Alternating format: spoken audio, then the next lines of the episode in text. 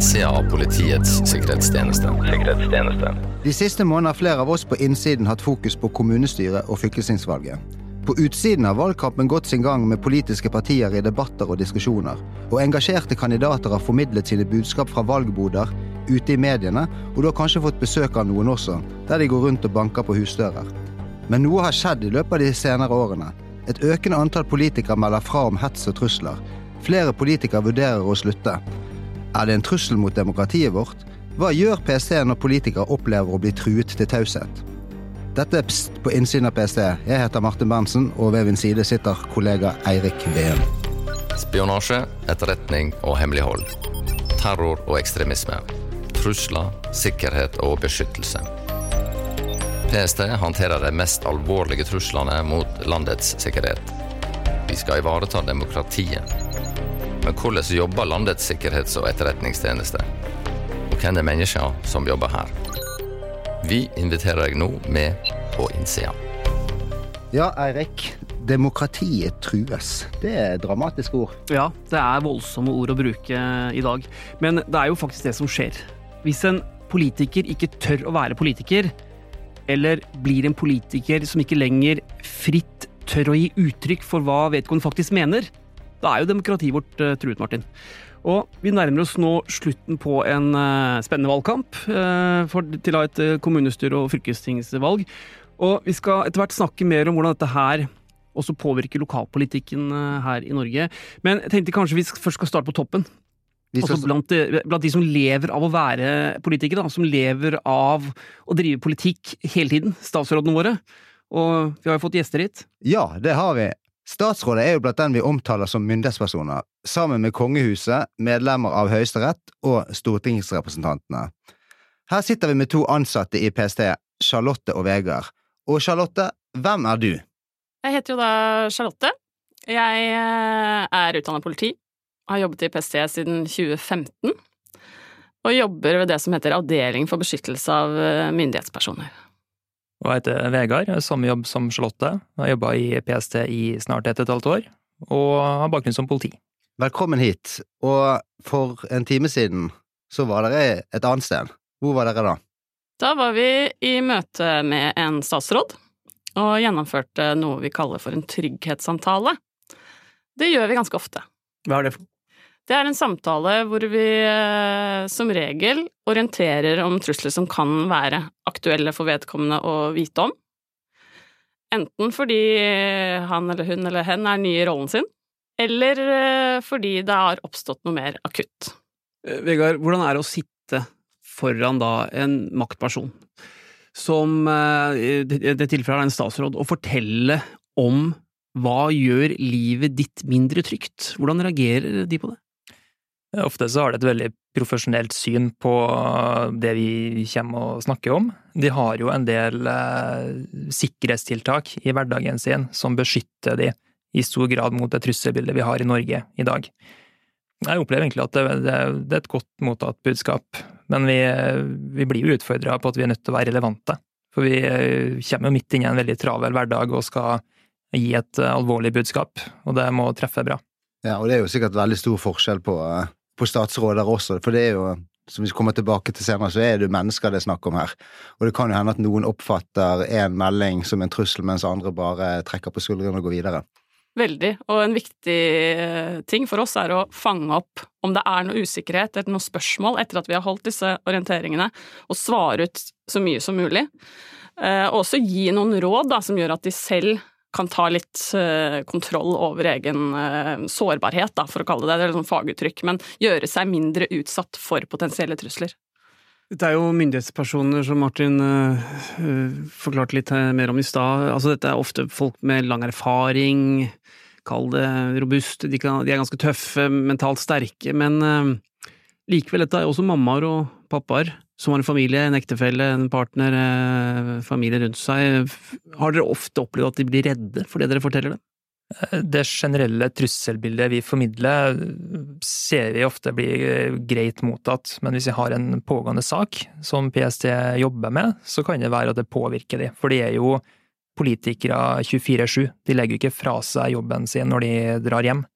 Så det tar jo med seg, naturligvis. Det, men det er litt som du sier, variert hvor robuste de er, og uh, hvor godt vi klarer å formidle det vi skal si. Nå har vi snakket litt om myndighetspersonene, som for eksempel statsråder, altså personer med, med, lang erfaring ofte, som er også en del av rikspolitikken, og vi hører ofte når de er utsatt for noe, så kan det bli en del av fra nyhetsbildet. Nå har vi en lokalvalgskamp, hvor det har vært lokalpolitikere, mange av dem veldig unge, mange av dem har eh, ingen erfaring. Og vi i PST, Martin, vi har jo signalisert nå at dette er noe vi vil ta mer på alvor. Trusler, hets og sjikane mot lokalpolitikere. Ja, og vi skal høre på et uh, klipp fra Arendalsuken, der PST-sjef Beate Gangås var i en debatt. Jeg kommer jo ikke heller bort fra at det går jo en grense på hva vi kan tåle, og det er uh, satt noen uh, grenser også i loven på hva som er straffbar atferd, faktisk. Altså true noen med drap eller voldtekt, eller stå utenfor huset. Eh, plagsomme henvendelser. Dette er straffbare forhold. Så jeg ønsker jo også at vi skal bidra, fordi jeg tror faktisk på å bruke de hjemlene vi har i loven. Eh, det å håndheve de, det kan virke forebyggende. Du kan si at her går, en, her går det faktisk en grense. Det er også en ganske eh, grei strafferamme på disse bestemmelsene hvis vi bruker de. Det, det er derfor jeg også er opptatt av å invitere til samarbeid med politiet Sånn at vi kan se på hvordan vi sammen eh, møter dette, både for å forebygge, med fokus på den som utsettes for trusler, men også eh, ha et fokus retta mot trusselutøvere, spesielt hvis det er gjengangere som oppfører seg langt over streken. Ja, Vegard og Charlotte, hva er det PST-sjefen her sier? Her eh, sier sjef for PST at eh, vi ønsker et, eh, et, bedre samarbeid med politiet. For sånn som det er i dag, så har jo PST ansvaret for myndighetspersonene i Norge, og de som kommer fra utlandet på besøk til Norge, samt uh, sentralstyremedlemmene i ungdomspartiene. De andre politikerne er politiet som har ansvaret for. Og her ønsker vi jo da et, som sagt, et samarbeid hvor vi uh, sammen, blant annet med politikontaktene som finnes i hver kommune, tar bedre vare på de lokale folkevalgte, og at saker som angår lokale folkevalgte, blir prioritert og etterforska, så det blir prøvd for en domstol. Har dere inntrykk av at dette blir godt nok fulgt opp i dag? Er vi og politiet gode nok til å fange opp og eventuelt gå videre med de sakene som, som dukker opp?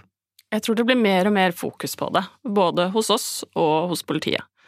Jeg opplever at vi har fått et tettere samarbeid allerede, og håper at det skal bli enda bedre. Godt nok.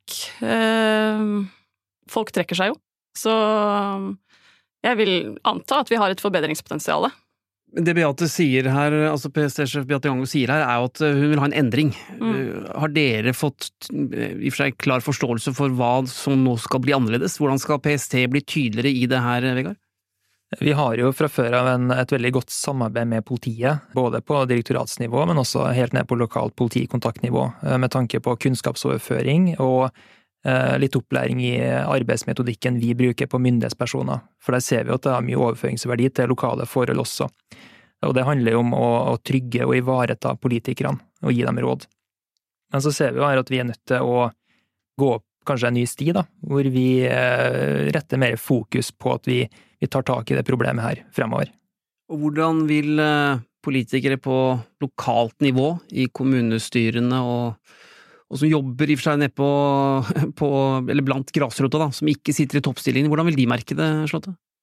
Forhåpentligvis vil de merke det ved at eh, det blir tatt tak i raskt. At de får en kontaktperson som de kan henvende seg til eh, i politiet og at eh, det blir prioritert etterforskning i de tilfellene hvor det er aktuelt. Men også at de får samtaler med politiet som handler om bare å trygge dem, gi dem råd.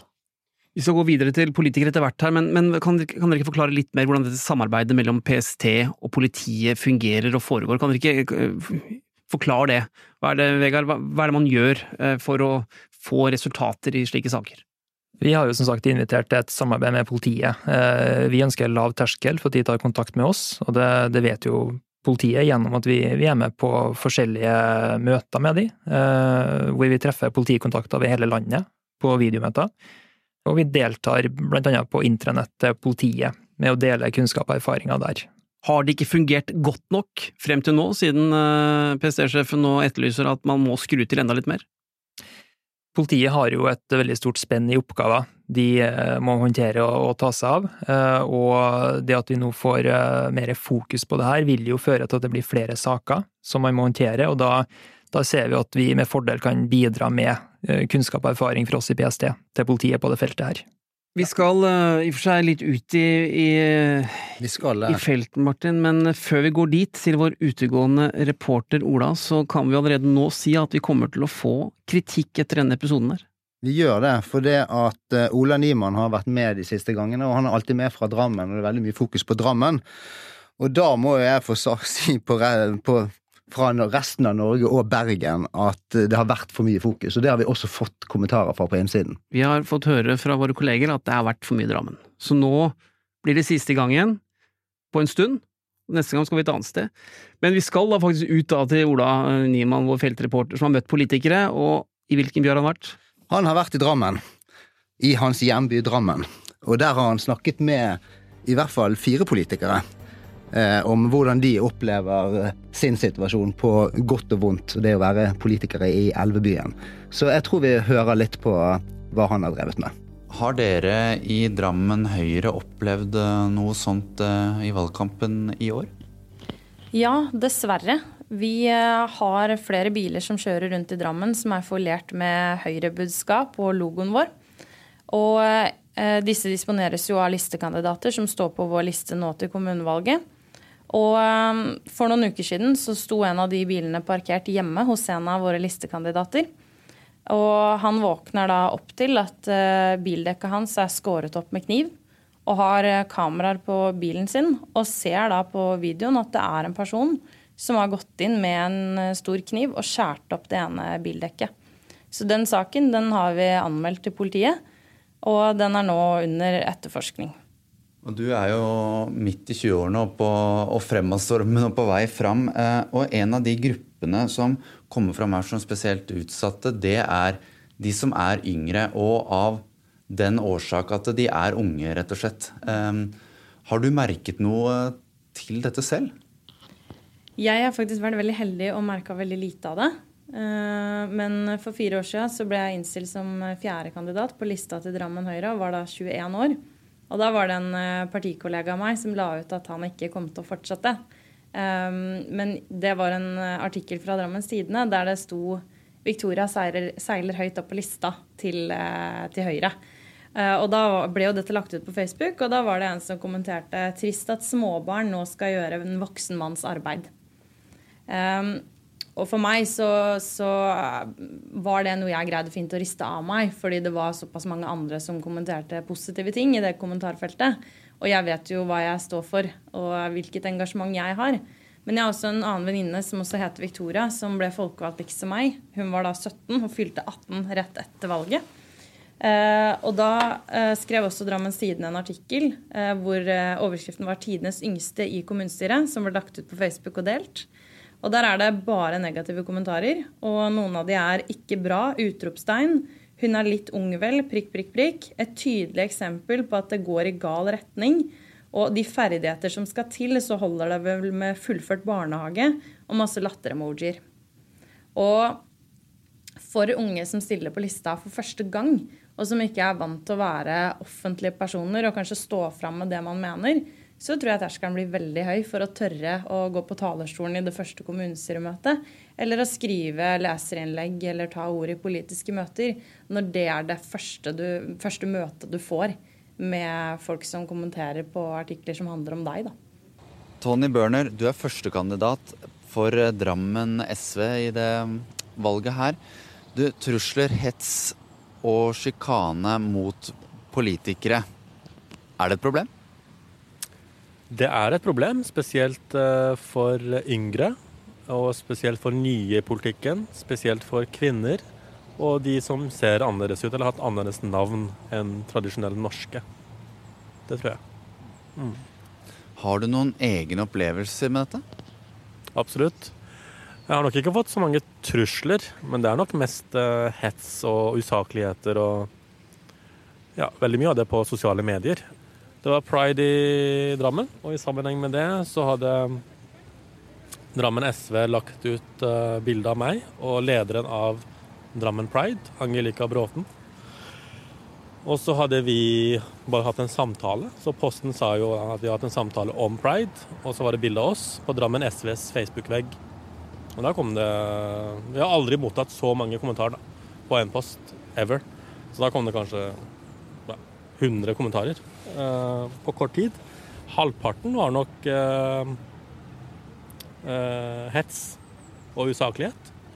Mer enn halvparten. Og halvparten der igjen, av de halvparten, var, gikk på homohets. Og halvparten eh, rasisme. Da jeg bevega meg bort til Strømsø torg, og her har jeg satt meg ned med Lavrans Kierulf i Frp. Og Lavrans, du har vært i politikken i mange år, til tross for at uh, du ikke har fylt 40, 40 år ennå. Hva, hva er dine opplevelser, erfaringer med trusler, hets og sjikane mot, mot folkevalgte? Nei, det er jo sånn at det er jo noe av det hele tiden. Og så er det jo graden av det. Altså Det er jo ytringsfrihet i Norge, så det, mye av dette med sjikane og hets, det er jo noe jeg tror vi politikere rett og slett må finne oss i, i og med at vi er i politikken. Men så er det når det går over til konkrete trusler, da må man gripe inn. Og det er noen som sier at alt var mye bedre før, men eh, når disse kommentarfeltene var eh, nye for snart 20 år siden, så ble jo ting helt uredigert spredd ut på nett. Så nå har det jo blitt et bedre system i det, i og med at folk registrerer seg. Og når vi f.eks. får inn eh, noen trusler mot partiet nå, så er det jo helt klare rutiner. Vi Politiet har også blitt mye mer profesjonelle i det, så vi vet hvor vi skal sende det. Og vi vet også at politiet griper fatt i det med en gang. Jørgen Harbo Wilhelmsen, du er på førsteplass på valglista for Rødt i Drammen og har vært i lokalpolitikken lenge. Hvordan ser du på dette her med trusler, hets og sjikane mot, mot folkevalgte? Jeg som uh, hvit, middelaldrende, uh, hetero mann uh, har opplevd lite personsjikane i, i, den uh, fireårsperioden som jeg har uh, sittet nå. Um, og for så vidt ikke så mye før det heller. Ja, vi har tilfeller av folk som har tatt imot valgprogrammet, spytta på det, revet i stykker, kasta det.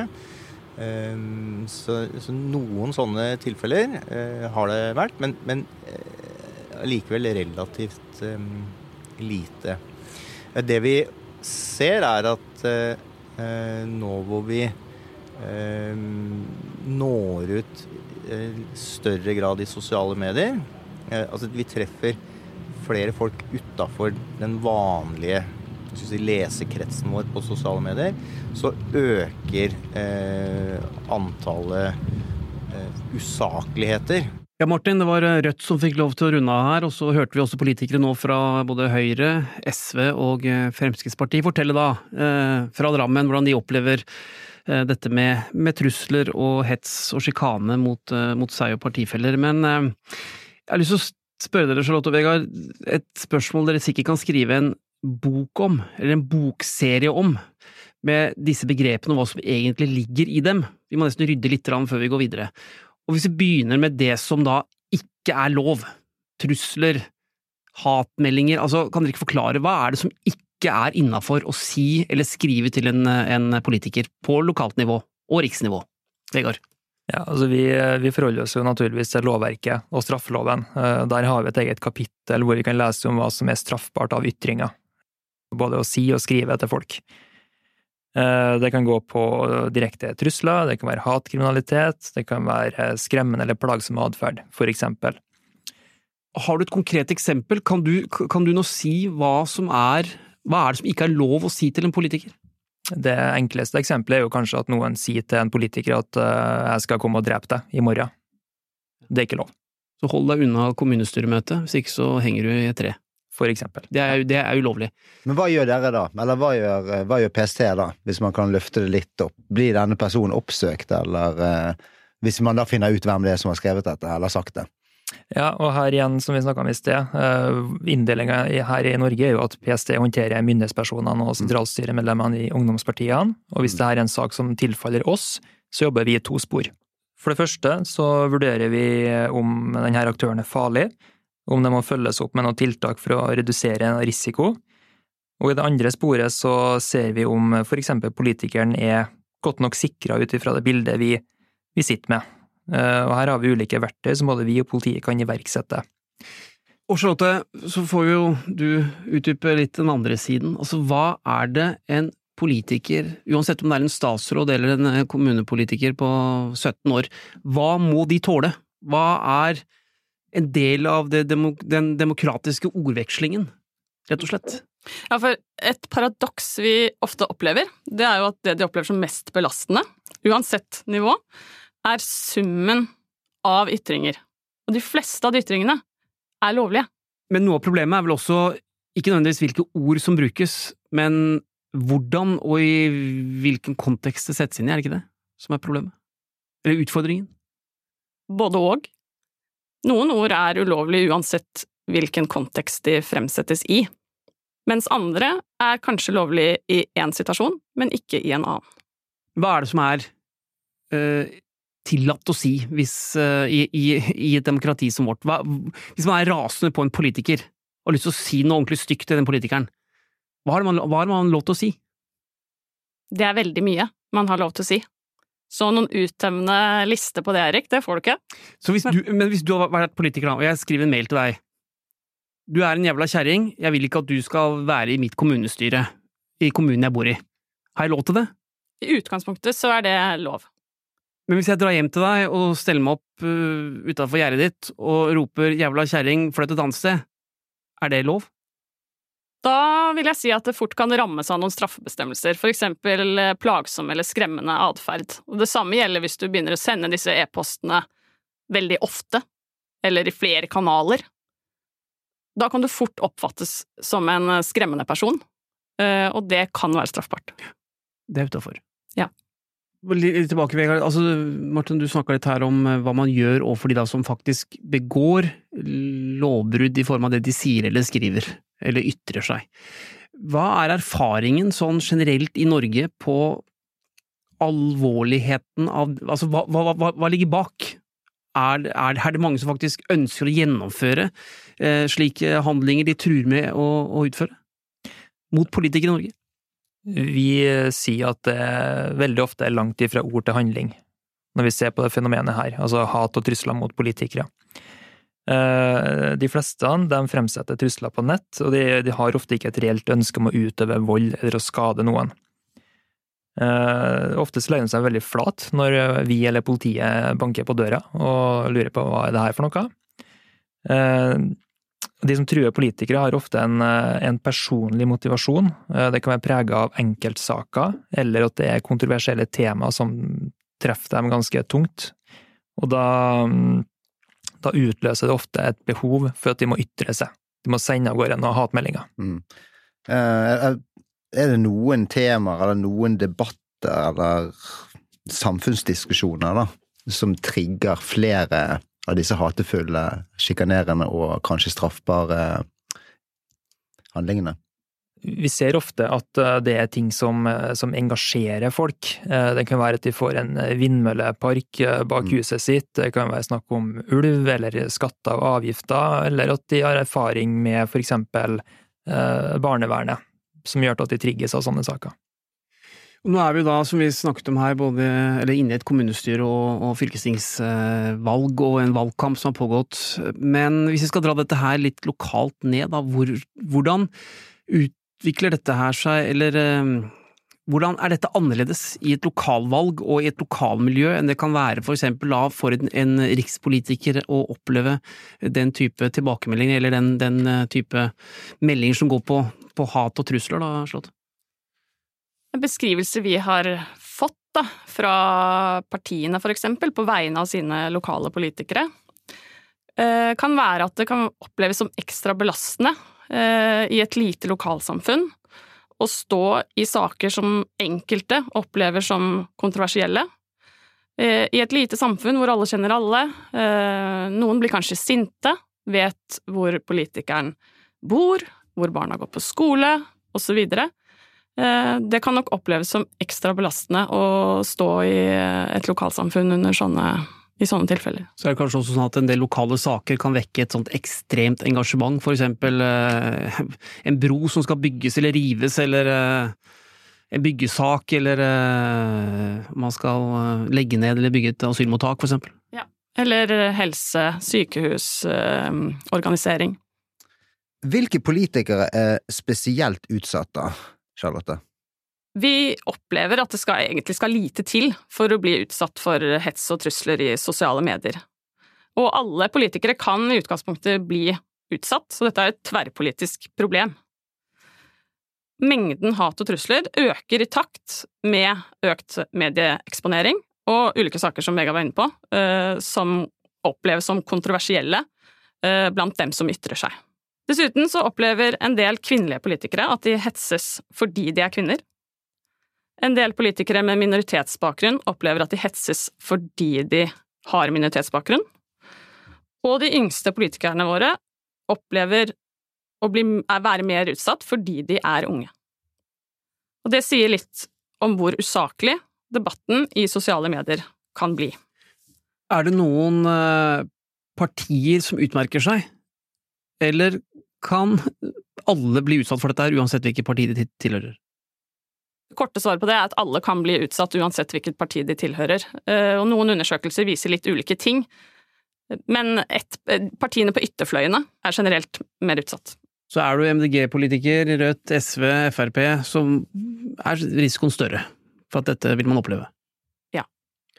Det er jo eh, Du sier jo at det er, det er mye usakligheter.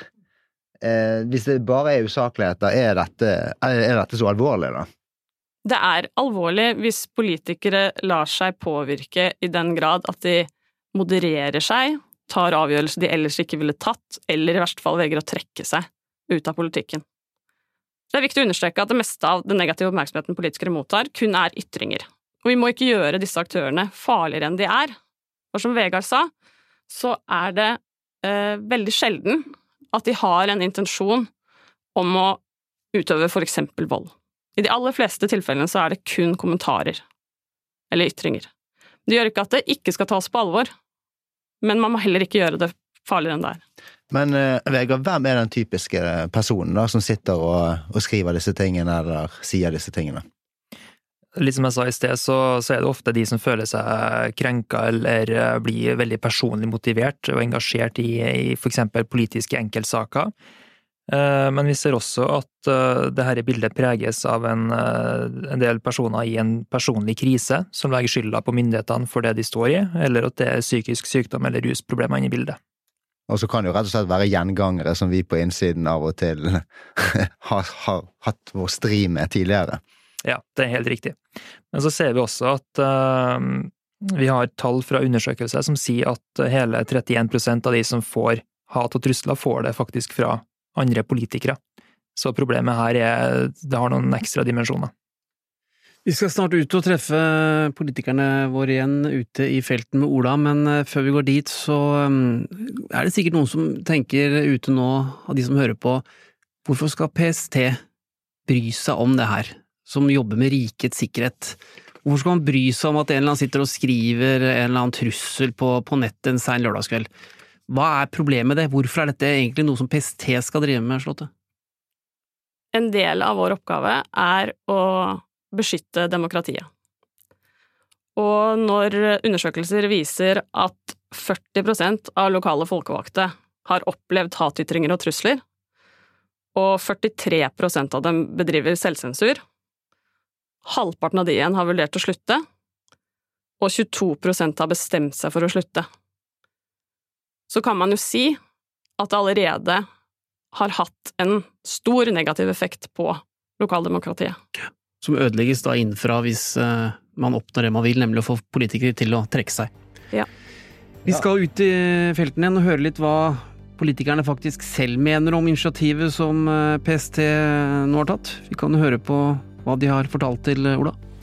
Nå har PST varsla, eller de har invitert politiet til et eh, samarbeid om dette her de kommende åra for å få økt kunnskap om på en måte, dette, annet. Hva syns du de bør eh, gripe tak i? Hva kan gjøre annerledes? Kanskje være mer til stede på nettet. Da tenker jeg ikke bare overvåke, det gjør de sikkert, men uh, kommentere. Hvis en fra PST kommenterer i en tråd som har tatt helt av, da tror jeg det skjer noe. Tenker at eh, det å være ute og snakke med folk er veldig viktig. Og at man ikke bare ser på rikspolitikere, men også lokalpolitikere. For en stor forskjell der er jo at de aller aller fleste som er lokalpolitikere, de gjør det på fritida si, og fordi de ønsker å gjøre noe positivt for samfunnet. Uavhengig av hvilket parti man tilhører, så har man lyst til å gjøre noe bra for den kommunen man bor i. Um, og jeg tror veldig mange som er lokalpolitikere og ikke har opplevd så mye hets før man trer inn i politikken. Og det er en veldig uvant situasjon, for mange kanskje også veldig nytt. Så jeg tror den dialogen er viktig. Og at man også kan få eh, tips, eh, samtaler, dialog også fra politiet og PST, som følger disse situasjonene, som også vet mer hva det faktisk går i. Og så tror jeg en annen ting man også må gjøre, er å se litt på hvilke tiltak kan man sette inn som ikke kanskje PST og politiet skal fylle, men som kanskje kommunen kan bidra til. Eh, hva kan vi politikere gjøre sammen eh, for å stå sammen da, hvis eh, andre personer i andre partier opplever hets og trusler? Hva gjør vi da? som samfunn da, for å ivareta de som opplever det. Har du noen, noen, råd til hva de bør se på, eller hva de bør fokusere på i det, i det arbeidet, eller? Nei, altså Det er eh, å fokusere på altså, grenseoppgangen. At vi, må, vi, er et land som har ytringsfrihet. Det må vi fortsette å ha. og på en måte man må også uh, vi, må passe på at politikere ikke blir så lettkrenka at de ikke tåler uh, å få på en måte noen kommentarer som er, som er stygge. Altså Det må man tåle. Men så må man ha den grenseoppgangen når ting går over fra å være ufin, usaklig hets til å bli trusler. Det er der vi må legge inn eh, fokuset. Så må det også, jeg tror politikere også må gå litt i seg selv og bli litt mer tykkhudete. For det har vært litt tendenser også til at politikerne ikke tåler noen tåler så mye, da.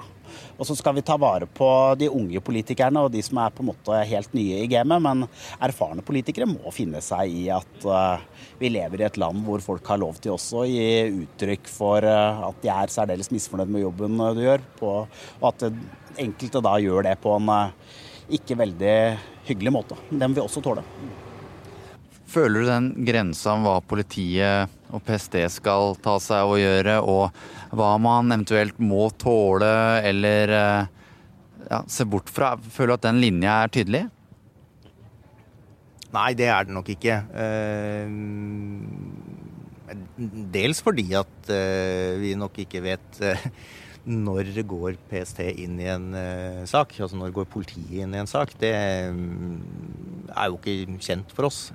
så, så så, så det at det, hvor den grensa eh, går, det tror jeg nok er for oss eh, eh utydelig. Og, jeg, og jeg tror det for, eh, for trollene eh, også er uh, utydelig. Uh, så, så, det at det, det, kunne kanskje vært noe som PST kunne fokusert mer på, er også å si at her setter PST grensa. Det er her vi begynner å Eh, det er her du får oss på døra. Eh, og at, det er eh, at det er litt mer offentlig kjent. Ikke, ikke, den konkrete saken hvor dere gjorde det, men, men der hvor man sier at her går faktisk grensa. Vegard, vi hører her at uh, siste politikeren ut her i og for seg peker på at det er litt utydelig, litt uklart hva som faktisk er tillatt og ikke. Tenker du også at eh, regelverket er litt uklart for de som deltar i den politiske debatten og sjikanen? Først og fremst så ønsker jeg å si at eh, PST skal ikke definere hvor mye politikerne skal tåle, eller at PST skal være noen som modererer kommentarfelt på sosiale medier. Vi har to politiorgan i Norge, vi har PST og politiet. Vi har de samme paragrafene, samme straffeloven, eh, og det er ganske tydelig hvem som har ansvaret for hva. Eh, og vi har, som jeg sa innledningsvis, ansvaret for myndighetspersoner og sentralstyremedlemmene i ungdomspartiene. Men regelverket, er det tydelig nok? Eller burde man vært tydeligere utad på hva som er greit og ikke, når man kommuniserer ut med, med, med offentligheten, eksempel her fra PST? Der har vi nok en liten vei å gå, eh, og det er jo derfor vi nå har starta et samarbeid med politiet og politikontaktene på det her. Ja, du Charlotte, du hadde, du, du hadde noen punkter eh, som du, du, viste meg her når vi, spilte, når vi spilte dette her. Hva var det du tenkte på? Når vi vet at andelen politikere som modererer seg eller vurderer å slutte, øker, så er det klart at eh, noe må gjøres. Og vi ønsker ikke å komme dit at det kun er de mest hardhuda personlighetstypene som orker å stå i politikken over tid. For vi har ikke et reelt demokrati eh, hvis ikke alle personlighetstyper og mennesker med ulik bakgrunn, som gjenspeiler befolkningen for øvrig, er representert i politikken. Så vi vil ta vare på alle. Ja, og det, det, er mange i samfunnet som har ansvaret for det problemet her, utenfor uh, politiet og PST. I forskning så ser vi at det pekes på å styrke samarbeidet med helsevesenet, og at f.eks. skoleverket må være uh, flinkere til å uh, undervise om kritisk tenking, nettvett og demokratiske verdier, f.eks. Noe vi fokuserer veldig på, er at partiene tar vare på sine egne medlemmer. At de har en form for støtte internt, hvor de kan søke råd og veiledning hvis de utsettes for hat og trusler. I tillegg til at de melder fra til politiet, selvfølgelig. Nå har vi snakket mye om problemene. Demokratiet trues er det de som hevder, ved at eh, politikere utsettes for eh, hets og sjikane trusler. Men Charlotte, har vi noen løsning? Jeg tror ikke det er noe quick fix, men jeg syns eh, sjef PST var inne på det i, sin, i det klippet vi hørte av henne tidligere. Eh, jeg tror et eh, tettere samarbeid mellom eh, politiet og PST, og et økt fokus på fenomenet, og også økt fokus på å etterforske de forholdene som er straffbare, kan ha en allmennpreventiv effekt. Hvis noen blir straffet for å ytre seg i kommentarfelt, så vil det kunne gi en signaleffekt til andre som også vurderer å skrive lignende ting. I tillegg så syns jeg det er viktig at vi er tilgjengelig for politikerne. Det gjelder både politiet og PST.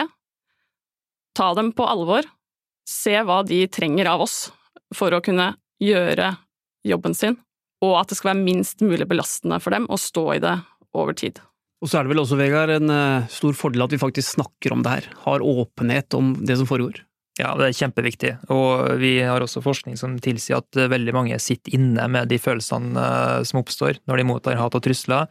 De sier ikke fra til partiet sitt, de varsler ikke politiet når vi mener at de bør gjøre det. Eh, og vi mener at det er viktig at alle politikere kjenner på grensene sine, for man skal ikke tåle hva som helst. For vi er jo mennesker, vi òg. Og Før du runder av, Martin, så tenkte jeg dere skulle få lov til å si noe helt til slutt. Vi er nå i ferd med å avslutte en eh, valgkamp. Nå skal masse lokalpolitikere ut og sitte i kommunestyrer og i fylkesting nå i fire år. Hva vil dere si til dem nå, helt til slutt, som de skal tenke på hvis de utsettes for noe gjennom disse, disse årene de nå skal gjennom? Jeg vil si at de skal ha lav terskel for å melde fra til partiet sitt hvis de opplever eh, ubehagelige hendelser eller kommentarer, sånn at de får mest mulig støtte tidlig. Ikke sitt med det alene, det kan, da blir det en større belastning. Og meld ifra til eh, politiet spesielt da for lokalpolitikerne. Dersom eh, du er i tvil om eh, det du opplever kan være straffbart, så gjør de en vurdering. Du og Vegard? Jeg støtter det Charlotte sa, og i tillegg så vil vi publisere noen enkle råd på PSTs hjemmeside innen kort tid, som er ment for å forebygge og redusere konsekvensene av hat og trusler. Det er vel faktisk en nettside som heter hatogtrusler.no. Det er det også. Den drives av eh, Kommunal- og distriktsdepartementet, eh, som inneholder også en del råd fra oss i PST. Men gå inn på pst.no, det er også fint, da. Ja da, det, det kan de også gjøre. Ja. Nå, eh, nå, har jeg forhåndsstemt, Eirik. Har du sikkert. Ja, Har du gjort det? Har du stemt? Skal du stemme? Jeg skal stemme på valgdagen, for det syns jeg er så fint. Å gå dit. Det er litt høytid for meg, det der. Ja, jeg er kanskje mer praktisk anlagt. Ja, det er du. Ja. Ok, nei, men du, Jeg tror vi takker Charlotte og Vegard for at dere dukket opp her. Og så høres vi igjen. Takk for oss. Takk for oss. Ser du noe, si noe. Men bruk sunn fornuft. Kontakt oss på pst.no.